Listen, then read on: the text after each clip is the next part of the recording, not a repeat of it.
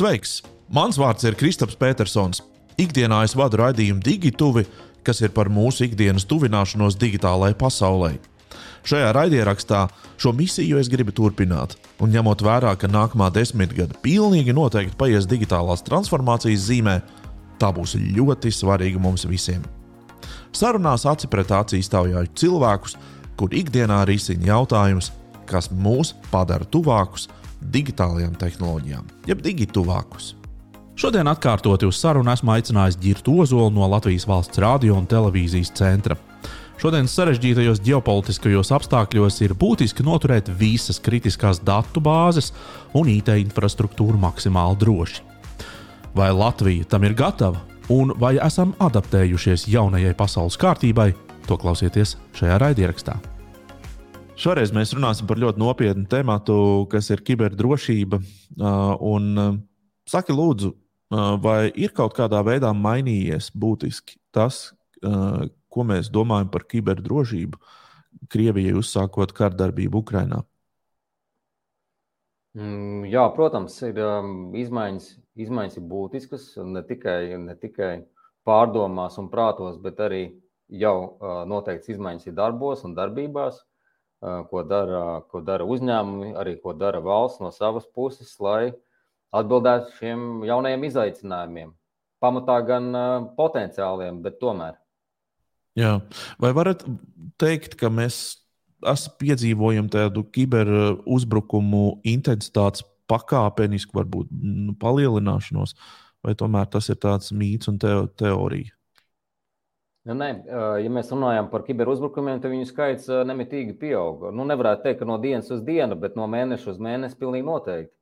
Tā intensitāte, sākot no pagājušā gada februāra līdz pat augustam, septembrim, auga ļoti strauji katru mēnesi. Un turpina pieaugt. Nedaudz lēnāk, bet turpina. Jā. Jā. Tas tev, tavuprāt, ir koordinēti uzbrukumi, ja tie tomēr ir tādi nejauši. Nu, reku, es hakeris izdomāju kaut ko pabakstīties, ka ir kaut kāda Latvijas nezinu, valsts iestāžu mājaslapa vai kā tam līdzīga.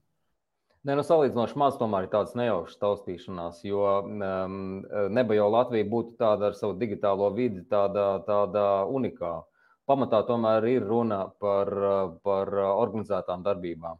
Jā, kaut kādā mērā liela daļa no tām ir tādā uh, hobija amatieru līmenī, ja tā varētu teikt. Uh, bet, uh, protams, ir uh, nopietnas organizācijas, arī um, valsts finansētas organizācijas atsevišķās valstīs kuras, kuras taustās un mēģina mūs sasniegt un, un apgrūtināt visādiem iespējamiem veidiem. Jā. Es atceros, ka mēs digitāli raidījumā reizi vien esam runājuši, un arī jums bija, es saprotu, pagājušajā, pagājušā gada nogalē kibernakts bija veltīta kiberdrošības jautājumiem. Un mēs par to visu laiku ar sabiedrību runājam, un man šķiet, ka visu laiku kaut kur tā fonā skan, ka ir tāda kiberdrošība, ir tāda kaut kāda kiberuzbrukuma un tā tālāk, bet mani jau tas neskar. Nu, nu kā, es jau par to, nu, ko es tur varu ietekmēt, vai kas, kas, eh, kas ar mani slikts var notikt. Nu, um, vai ir jāstraucās cilvēkam, parastajam, par, eh, par šādu tematu, vai tas ir tāds vairāk politiķu dienas kārtības jautājums, un varbūt nu, tāda līmeņa cilvēku kā tu, piemēram? Nē, nu, ir tā, ka um, satraukties var par daudz ko, bet tā lielākā izmaiņa, kas ir notikusi, runājot taisni par apdraudējumiem no kiberdrošības skatu punkta, ir tā, ka tā uzbrukšana nav, lai pakļautu vai lai iznīcinātu kādu, bet lai eksploatētu.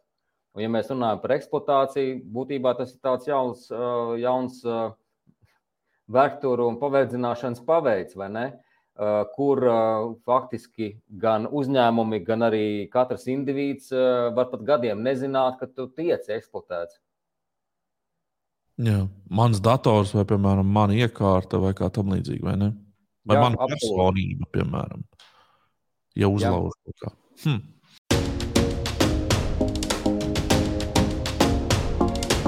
Saki, lūdzu, kā Latvijas valsts radio un televīzijas centrs iesaistās kiberdrošības um, aktivitātēs? Kas ir jūsu pirmkārt loma, un tad, uh, ko jūs arī darat tīri praktiski? Šeit jārunā būtu par trijiem tādiem segmentiem. Uh, viens no tiem, uh, ko mēs uzsākām jau sākot no Latvijas valsts uh, prezidentūras 2015. gadā, tas ir um, aizsardzība valsts interneta resursu, tā skaitā aplikācija aizsardzība pret um, pakalpojumu atteicis uzbrukumiem. Tur mēs tieši sadarbojamies ar CERTLV un aizsardzības ministriju un um, salīdzinoši veiksmīgi ļoti lielam valsts pārvaldes internetu resursu skaitam nodrošinām šo aizsardzību.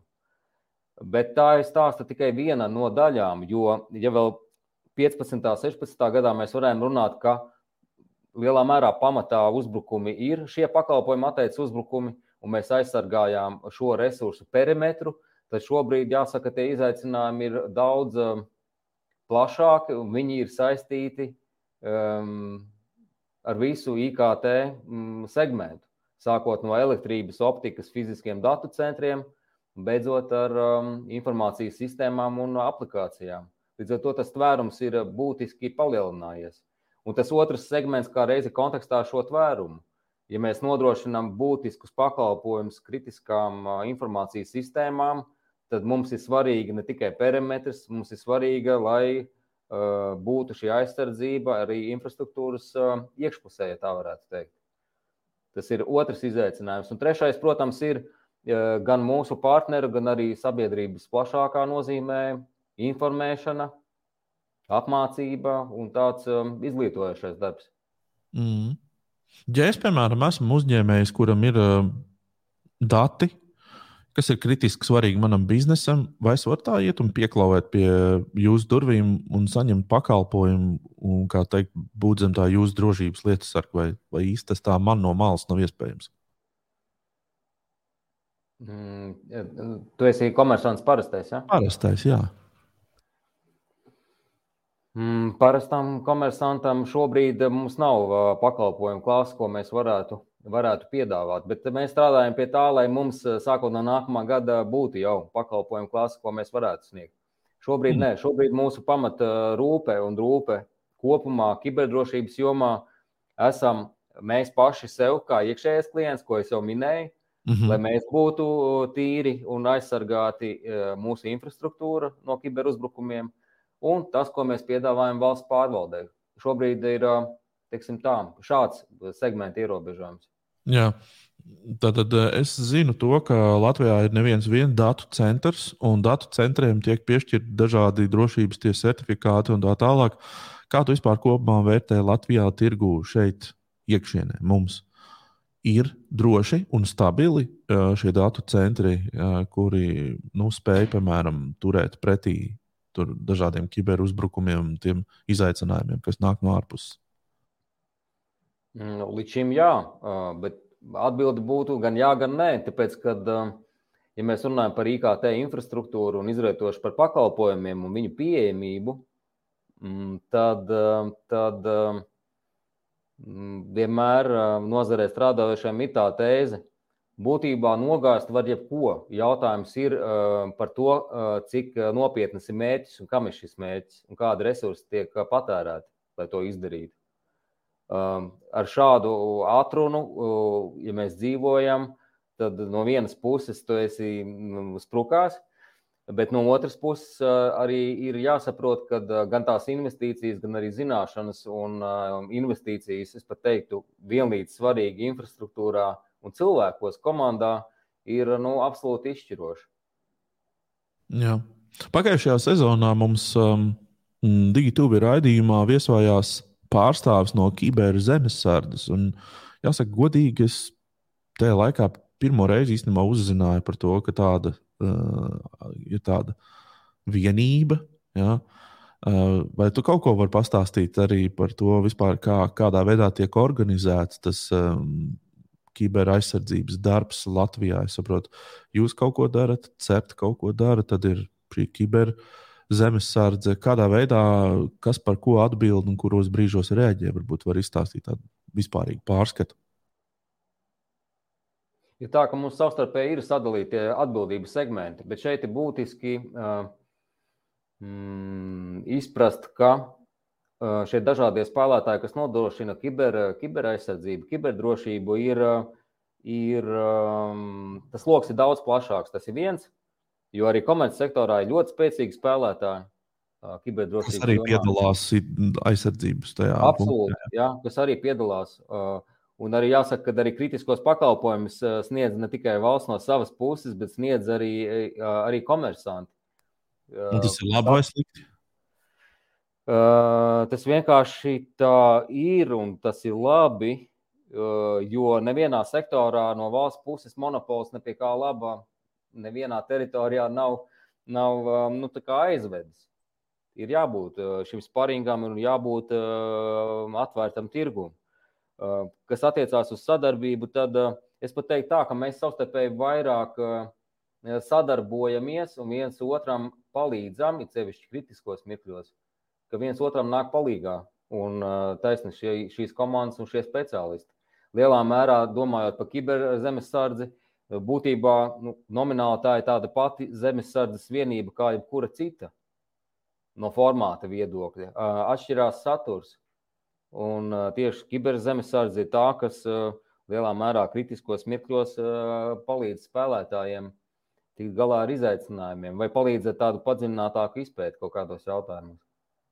Jā, tāda speciālistu nu, gradācija droši vien, jā, kurā brīdī jā. viņš pieslēdzās. Mm. Jā.